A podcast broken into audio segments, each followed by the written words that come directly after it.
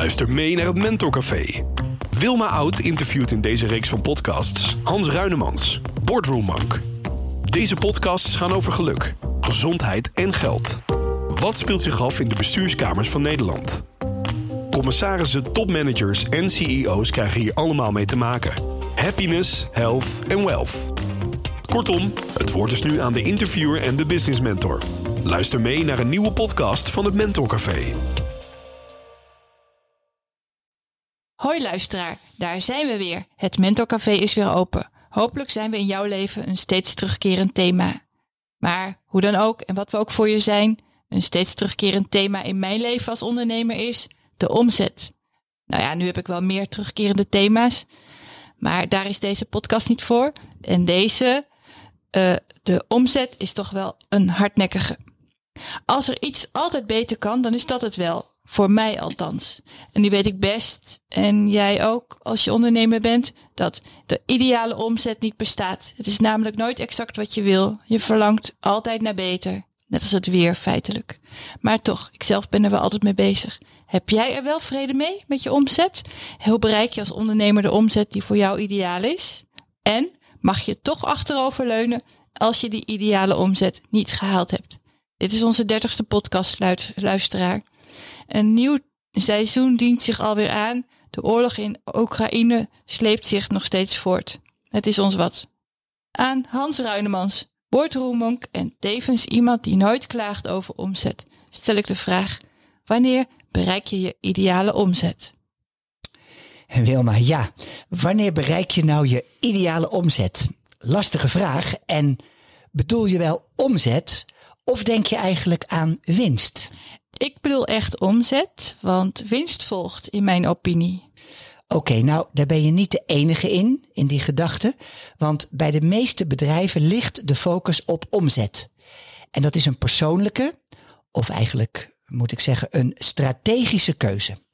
Is er een verschil in, in startpositie? Startpositie zeg je.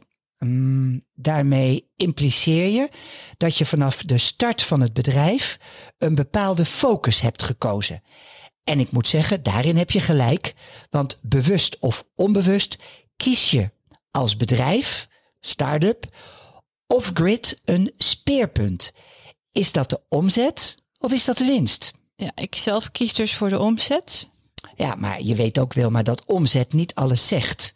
Ook met een omzet van, laat ik zeggen, 2 ton kun je failliet gaan. Vind je dan dat je als bedrijf beter kunt focussen op winst? Uh, nee, dat zeg ik niet. Het is altijd een persoonlijke en strategische keuze. Wat ik wel zeg, of misschien zou willen zeggen, dat is dat je het verschil moet kennen. Ja, ik weet het verschil wel hoor. Het is omzet, dat zijn de opbrengsten inclusief de BTW. En de netto winstmarge is omzet minus directe en indirecte kosten. En daarna volgt dan de netto winst. Ja, of verliezen. Daar zit natuurlijk de pijn. Um, waarom zou je als bedrijf beter kunnen focussen op winst? Nou, in de eerste plaats wil ik gezegd hebben dat van mij niks moet. Ik begrijp dat omzet heel belangrijk kan zijn. Zeker als het gaat om groei en marktpositie. Dan is het omzet, het turnover first. Maar omzet is niet alles. Er zijn mega veel business coaches die schreeuwen dat zij, die business coaches dus, jou kunnen helpen aan die torenhoge omzet. Ja, die zie ik ook steeds voorbij komen op Facebook en Instagram. Precies. En tegenwoordig ook op TikTok. Het verdienmodel van die coaches is jouw investering in hen. De coach, en ik moet meteen aan één denken, maar die zal ik hier niet noemen. Maar de coach gaat aan de slag voor jou en die stuurt je omzet wel of soms niet omhoog. Meestal wel hoor, want de trucjes die beheersen ze prima. Als dat dan lukt en je omzet eh, die stijgt naar, laten we zeggen, een ton, dan factureert hij of zij zo ongeveer de helft van je omzet. Ja, lekker dan. Dus alle marketingtrucjes worden toegepast om de omzet kunstmatig op te blazen en de profit gaat naar de coach. Ja, zeker. Als de omzetcoach verdwijnt, dan is de omzet meestal ook verdwenen. Fresh new whip in the colors orange. Stocked up fridge like I seen from cribs. Sunset views and the weeks don't end. Traveling the world with a few best friends. Fa- Facebook ads and the money's passive. Instagram ads to bring more traffic. Snapchat vids with the orange hat kids. In the audience, we just want success. And we don't care about the obstacles and the haters that keep saying it's impossible. All I know is that we gotta go. Dit was Cruise Record. En eh, de, het nummer heet Life of an Entrepreneur. En terug naar het onderwerp. Winst is ook een stuk belangrijker als je geen BV hebt. Precies. Om die reden moet je met zo'n coach niet in zee gaan als je geen BV hebt. Want winst is jouw salaris en die heb je nodig voor de Albert Heijn. Ik hoor dat je zegt dat een business coach eh, die belooft dat hij of zij jouw omzet verhoogt, dat je die met enige terughoudendheid moet bekijken. Ja, blijf altijd kritisch en eh, sceptisch. En ik zei het al, zeker als je geen besloten vennootschap hebt. Even terug naar mijn vraag. Hoe bereik je als ondernemer een omzet die voor jou ideaal is? Of hoe bereik ik mijn ideale omzet? Ja, nou Wilma, deze vraag klinkt voor mij als trompetgeschal in mijn oren. Ik ben namelijk een strateeg. Eh, het heeft wel 30 podcasts geduurd voordat, voordat we ja, dit onderwerp eindelijk besproken hebben. Het omzet, onderwerp omzet en winst. Ja, voordat jij er eh, naar vraagt. Ja, Ja. omzet en winst. En de vraag is natuurlijk, waar ligt je focus? Nou, als je een eenmanszaak hebt, dan moet je je focussen op winst. Dat is relatief logisch en e- eigenlijk ook relatief eenvoudig. In de eerste plaats al omdat je bedrijfsstructuur dan niet al te ingewikkeld is. Trouwens, een VOF, hè, vennootschap onder firma, is ongeveer hetzelfde als een eenmanszaak. Voor een eenmanszaak of voor een VOF geldt, geldt ook een milde belastingregime. Ja, maar pas op, aan dat mildere belastingregime zijn allerlei voorwaarden verbonden. En als je vet veel geld verdient, kan je echt veel beter een BV oprichten. Vet veel. Nou ja, laat ik het andersom zeggen. Als je goed verdient met je bedrijf, dan is een besloten vennootschap, een BV, vrijwel zeker de allerbeste rechtsvorm. Oké, focus op winst of focus op omzet? Als dat de vraag is, focus op winst of focus op omzet, dan is mijn antwoord dat je duidelijk in kaart moet brengen welke doelen je wil bereiken. Ik vind dat je dat minstens elk jaar moet doen. Liever nog elk kwartaal. Zal ik even doorgaan? Ja, graag. Nou, de vragen die je jezelf moet stellen, of elkaar, die zijn onder meer: wat zijn je doelen? Hoe pak je dat bereiken van die doelen aan? Wie heb je ervoor nodig? Dus welke partners, medewerkers, toeleveranciers? Eh, welke blokkades kun je tegenkomen? Ik heb een hele rij van zulke vragen paraat, maar in deze podcast kan ik die niet allemaal behandelen. Wat zijn de doelen? En daarmee bedoel je dus, wat is mijn ideale omzet? Of welke winst willen wij of wil ik behalen? Zeker. Maar dat is niet het enige. Je moet bij doelen ook denken aan je, dat heet dan tevredenheidsindex. Wat, wat maakt voor jou het ondernemerschap, het ondernemen, de moeite waard? Is dat je vrijheid, hè? geen baas meer boven je? Zorg dan dat die vrijheid ten volle benut wordt. Maar het kan ook zijn dat je tevredenheidsindex te maken he- heeft met je missie.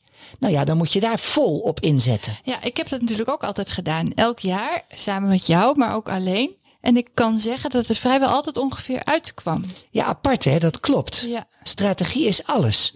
Het is trouwens belangrijk dat je het ook consequent blijft doen. Dus elk jaar is echt elk jaar. Ook na tien keer, niet overslaan. Kies je voor elk kwartaal of elk half jaar, dan moet je dat ook blijven doen. Dat vind ik wel erg vaak. Ik snap je.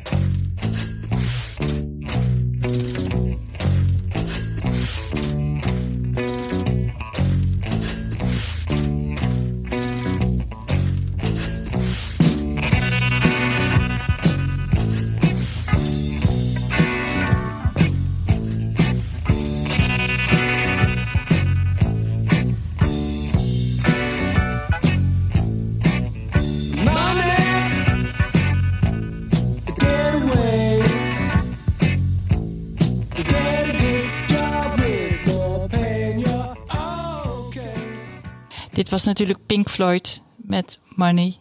En ik wil er nog iets over zeggen als dat kan. Ja, natuurlijk kan dat. Ik ben een vrouw en vrouwen zijn over het algemeen iets minder goed in het verkopen van zichzelf. Ik weet niet wat je daarmee wil zeggen, maar het lijkt mij onzin. Je moet daar vanaf. Iedere ondernemer zou bescheidenheid van zich af moeten schudden. Wat ondernemers moeten doen, dat is met overtuiging de prijs noemen. De prijs voor het product of voor de dienst, de service. Dus je zegt overtuig jezelf ervan dat je prijs rechtvaardig is. Ja, geloof in je toegevoegde waarde. Zeg je dan dat ik mij bewust moet zijn van mijn toegevoegde waarde? Ja, dat is inderdaad wat ik zeg. In mijn geval, ik ben business mentor en strateeg. Mijn waarde is veel groter dan de prijs die ik vraag. Ik weet dat en ik straal dat uit. En eigenlijk geldt dat ook voor jou, Wilma. Je levert erg goed werk, maar je bent je niet bewust van de meerwaarde die je levert aan je klanten. Je zei zojuist, ik ben een vrouw en vrouwen zijn minder goed in het verkopen van zichzelf. Ja, dat zei ik inderdaad. En ik zeg je, dat is een meme, een aangeprate overtuiging. Bullshit dus. Claim je plek. Ik heb eens iemand geadviseerd om zijn nieuwe pand, het ging om nieuwbouw, een kwartslag te draaien. Dat leverde deze persoon een besparing op de bouw op van 250.000 euro. En het ging in dit geval over het aanleggen van infrastructuur en vergunningen. En een andere relatie, ik heb heel veel voorbeelden, maar die adviseerde ik om een bieding, het ging ook over een pand, te verlagen met een ton. Met succes, meteen. Instant succes. Ik weet dat de investering in mij, van deze ondernemers dus, een fractie is van wat ik kan opleveren. Als ik dit advies samenvat, dan zeg je dus dat ik mijn prijs zonder aarzeling moet noemen. Inderdaad, dat zeg ik. Wees je bewust van je meerwaarde. In het geval van nieuwe diensten is dat soms best wel een zoektocht. Ja, dat begrijp ik ook. En dat kom ik eigenlijk ook best wel vaak tegen. Bijvoorbeeld als je een concept ontwikkelt waarvan je zeker weet dat daar behoefte aan is.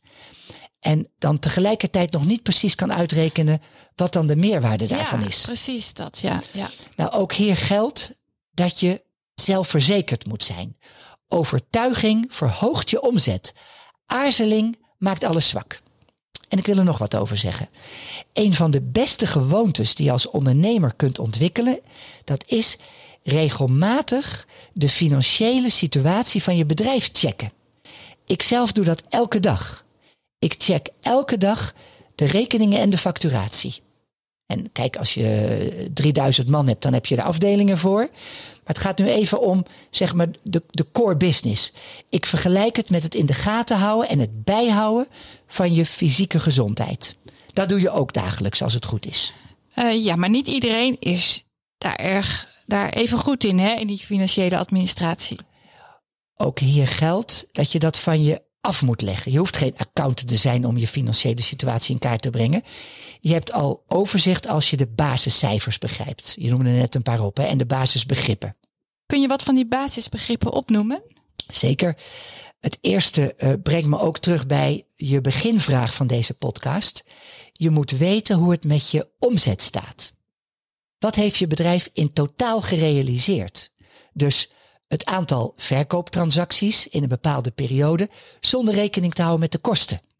Een dalende omzet hoeft natuurlijk niet direct te betekenen, dat weet eigenlijk iedereen wel, dat het bedrijf niet gezond is. Soms kies je er bewust voor om meer te investeren. Of je weet dat het een tijdelijke dip is die te verklaren is. Ja, bijvoorbeeld omdat eh, er een vakantieperiode aanbreekt.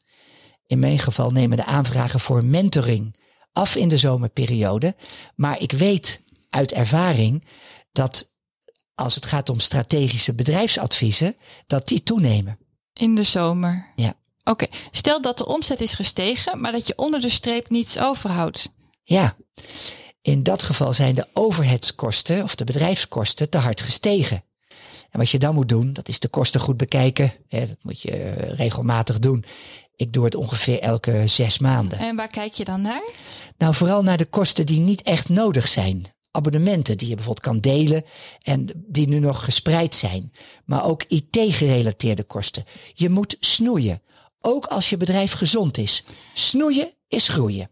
Ja, en dan nu nog even terug naar het doel dat winst heet. Ja, mooi hè, snoeien is groeien. Ja, het past op een tegeltje. Ja, past op een op een tegeltje. koffiemok.